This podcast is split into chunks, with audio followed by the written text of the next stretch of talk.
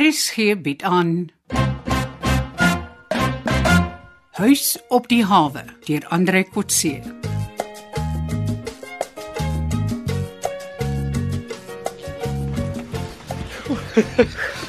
Yes, dis nogal 'n uh, vreemd om saam met iemand te draf op wie jy nog gister verlief was en, en nou mag jy nie meer persoonlike sake praat nie. Wel, vir my is dit nie vreemd nie, want ek het nog niks wat jy gesê het oor persoonlike besonderhede met verliefdheid geassosieer nie. Bet beteken dit ek kan maar vir jou 'n paar feite noem wat jy nog nie ken nie. Ja. Nou, soos ek ons ooreenkoms verstaan, mag jy my net nie probeer beïndruk om my op jou verlief te maak nie. Nou daar's nie so gevaar nie. uh my my feite is jy's iets oor ons familie se nederige herkoms. Uh, uh Anton Joubert en sy familie is, is alles behalwe indrukwekkend. My tannie het my vertel, ehm um, julle Joubers was van die ou families wat julle eers hier op Mooi Hawens kon vestig het. Ja, maar ons was nog altyd armoedig. Uh, my pa was eers 'n visser wat later sy eie boot gekoop het. Skipper Joubert. Ja, en ek en Japie was ons ouers se enigste seuns. My pa het my die see leer ken. Ja, ek het gehoor jy was in die in die vloot. Ja, eh, na matriek was ek na die vlootgimnasium en die militêre akademie. Ek het 'n vlootoffisier geword en en later by die rekkies professioneel geleer duik en valskermspring. Ja. Ooh, dit was goeie tye. So hoekom het jy die vloot bedank? Wel, my pa's onverwags vroeg oorlede en ek het teruggekom om sy visbesigheid oor te neem en my ma te onderhou. Ja, want ek hoor jou ma's 2 jaar na hom ook dood. Ja, hoe weet jy dit? Hm, my tannie. Japie was seker toe nog op skool. Ja, uh, ek was alleen met die besigheid en ek het my pa se ou diesel chakkies verkoop en net een dieselboot, die blou blaasie gehou. Hmm. Ek het die besigheid kleiner en meer hanteerbaar gemaak, jy weet. Maar hoekom? Wel, ons kon nie meer kompeteer met die kommersiële vissers nie. Die skiebote was twee keer so vinnig as die chakkies. Ja. Ek het maar net my pa se plaaslike kliënte probeer bou. Kafees, jy weet, restaurante en 'n viswinkel op die dorp. Hoekom vang jy nie vir die groot viskopers nie? Hulle sluit gewoonlik groot kontrakte vir spesifieke soorte vis soos geelsterd, geelbek, kabeljou en snoek. En as jy nie kan lewer nie, dan word jy gestraf en dan verbeur jy inkomste. En wat van Japie se loopbaan? Wel, ek het hom deur skool gehelp. Hy was nooit lief vir visvang nie. Maar hy het ander talente as jy. Ja, ja, nee, hy was van kleins af 'n belowende IT-spesialis. Hoe kon hy nooit in die Kaap gaan werk nie? Gebrekkige kwalifikasies. Ek het vir Japie by 'n IT-akademie ingeskryf, maar hy is ongelukkig geskort binne 'n jaar. Regtig, hoekom? Wel Japie Nou, is van hacking beskuldig nadat hy sy IT-lektor uitgevang het dat die ou oneerlike dinge op die internet aanvang. Is Japie 'n hacker? Wel dalk 'n uh, eerlike hacker as mens so dink kry. Seker is mense ander hackers kan uitvang wanneer hulle oneerlik is. Ja. Kyk, Japie was altyd 'n tree of twee voor sy instrukteurs en het sy eie kop gevolg. Toe ek hom destyds in die Kaap gaan haal het na sy skorsing, toe sê een van sy instrukteurs vir my, "Japie is te slim vir hulle." Ja. Ja, mense raak seker naderhand opstandig as jy uitvind dat mense wat eintlik gesagsfigure behoort te wees, oneerlik is of verkeerd optree. Mm. Kom, kom straf jy. ja, ja nee. Oeh, oeh, ek dink dis presies wat met Japie gebeur het, weet jy. Sy leier stel hom altyd te leer. O, oh, en nou het sy eie broer hom geweldig teleurgestel toe sy ou boet op sy meisie verlief geraak het. Anton, ons praat nie oor daai goed nie.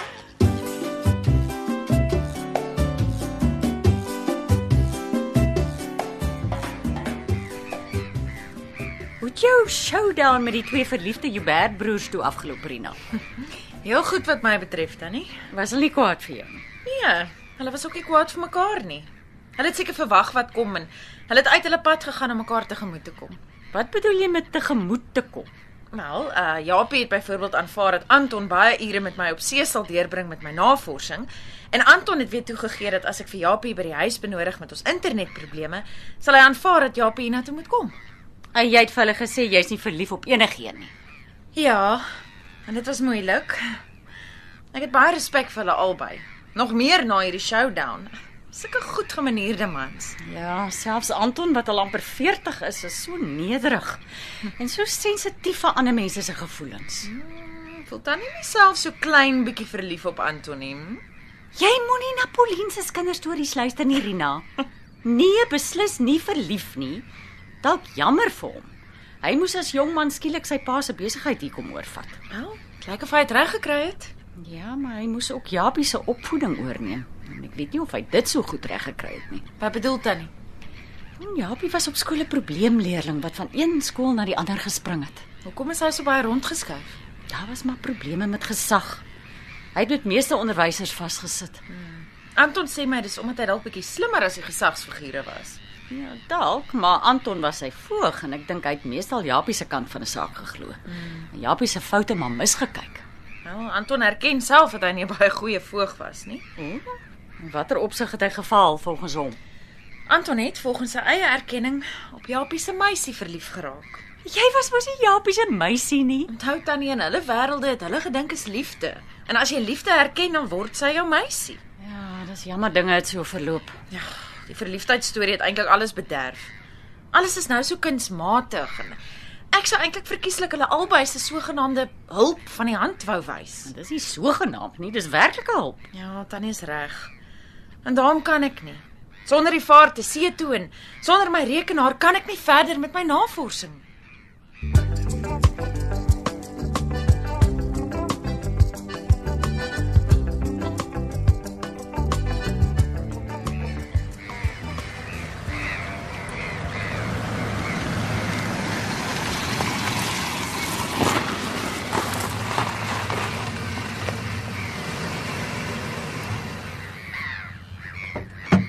Yes, ja, meisie.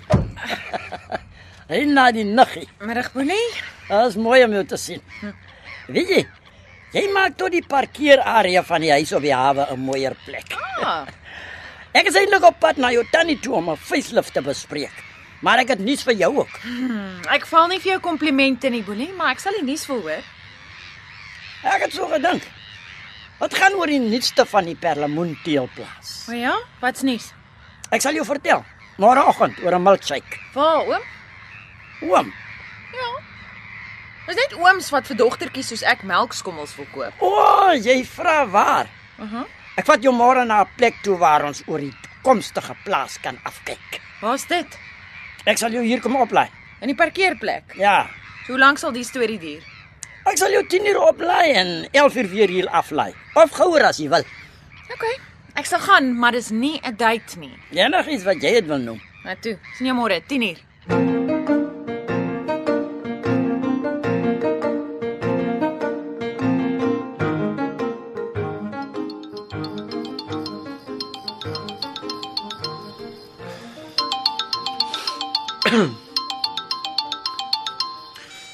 Hallo, Anton Jubber.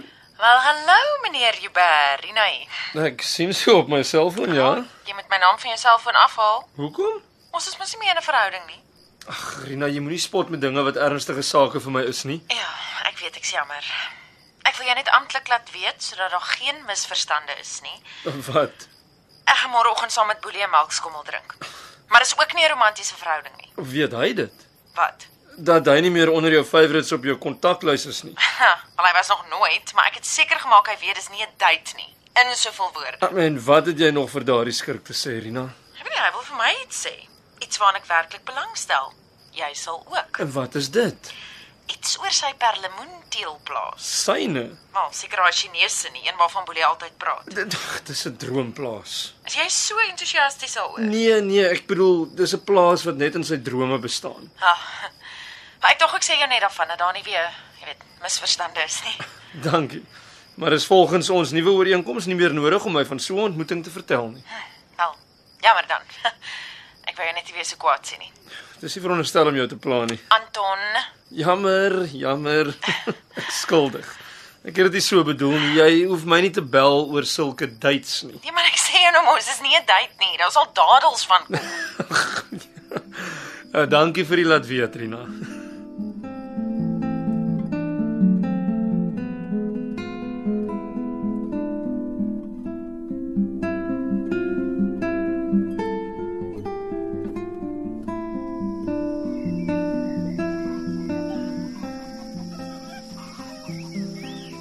Wat dink jy van die uitsig, juffrou Rina? Dis pragtig, meneer Boelie. Is hierdie die plaas? Nee. Die perlemoenplaas lê daar onder langs die see. Die seewater is nodig vir die perlemoenplaas. Ek weet, ek weet. Pype, pompe, kanale, kleuterskole en damme. Kleuterskool. Ja, nurseries. teeldamme, uh, plekke waar die klein perlemoentjies geteel word. Jy moet dalk eers na so 'n plaas toe gaan om te gaan kyk voor jy te opgewonde raak. Dis ten minste 'n jaar se bouwerk. Ek weet. Jy sal die CEO wees wat dit vir ons sal bestuur. Boelie, ek is 'n tweede jaartjie op Stellenbosch. As jy dink ek gaan my studies opskop vir 'n projek wat definitief gaan misluk, kan jy maar vergeet. Ah, Hoekom misluk? Omdat die nodige projekbestuurder, ontwikkelaars, argitekte, ingenieurs, kontrakteurs, personeelbestuur en kapitaal nie daar is nie. As ek vir jou sê ons het die kapitaal. En die res wat jy wil hê sal nog kom. Wat sê jy dan? Mens begin nie so 'n groot projek met 'n student sonder kwalifikasies en ondervinding nie.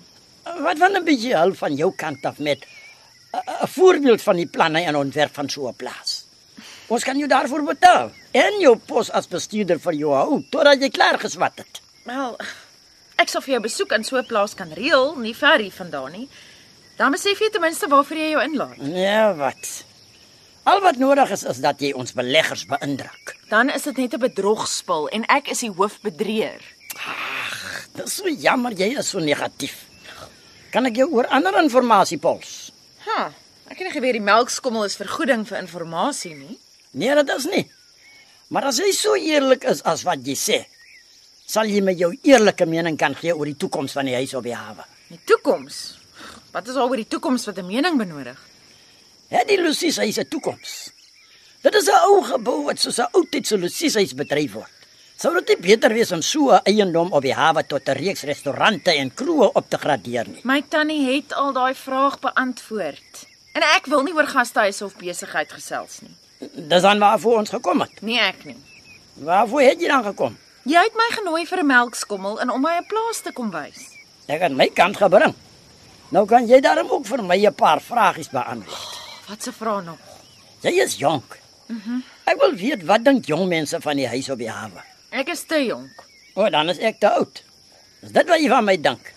Te oud? Vir wat? Jy is meer as 2 keer so oud soos ek. Wat bla my nie. Moet ek vir jou sê wat ek van jou dink? Nee, dankie, ek stel nie belang nie.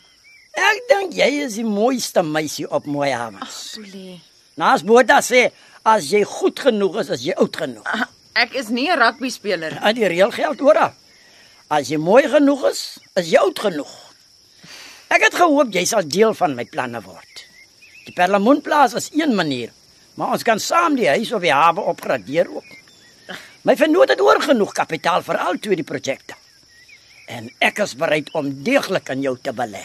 Ek is nie 'n belegging nie. Miskien moet jy wag tot Connie terugkom. Ek sal. Maar jy is welkom om na Oupas Boelie toe terug te kom as die jong mans van Mooi Havens jou teleurstel.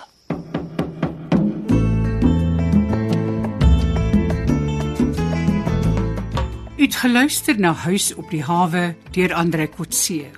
Die spelers die week was Tanya, Johnny Combrink, Boelie, Chris Magid, Anton, Pierre Nelson, Pauline, Zenobia Kloppers, Rina, Rulien Daniel, Japie, Pieter van Sail, Nigel, Jared Geduld, Connie, Randy January en Carolus Johan Stassen.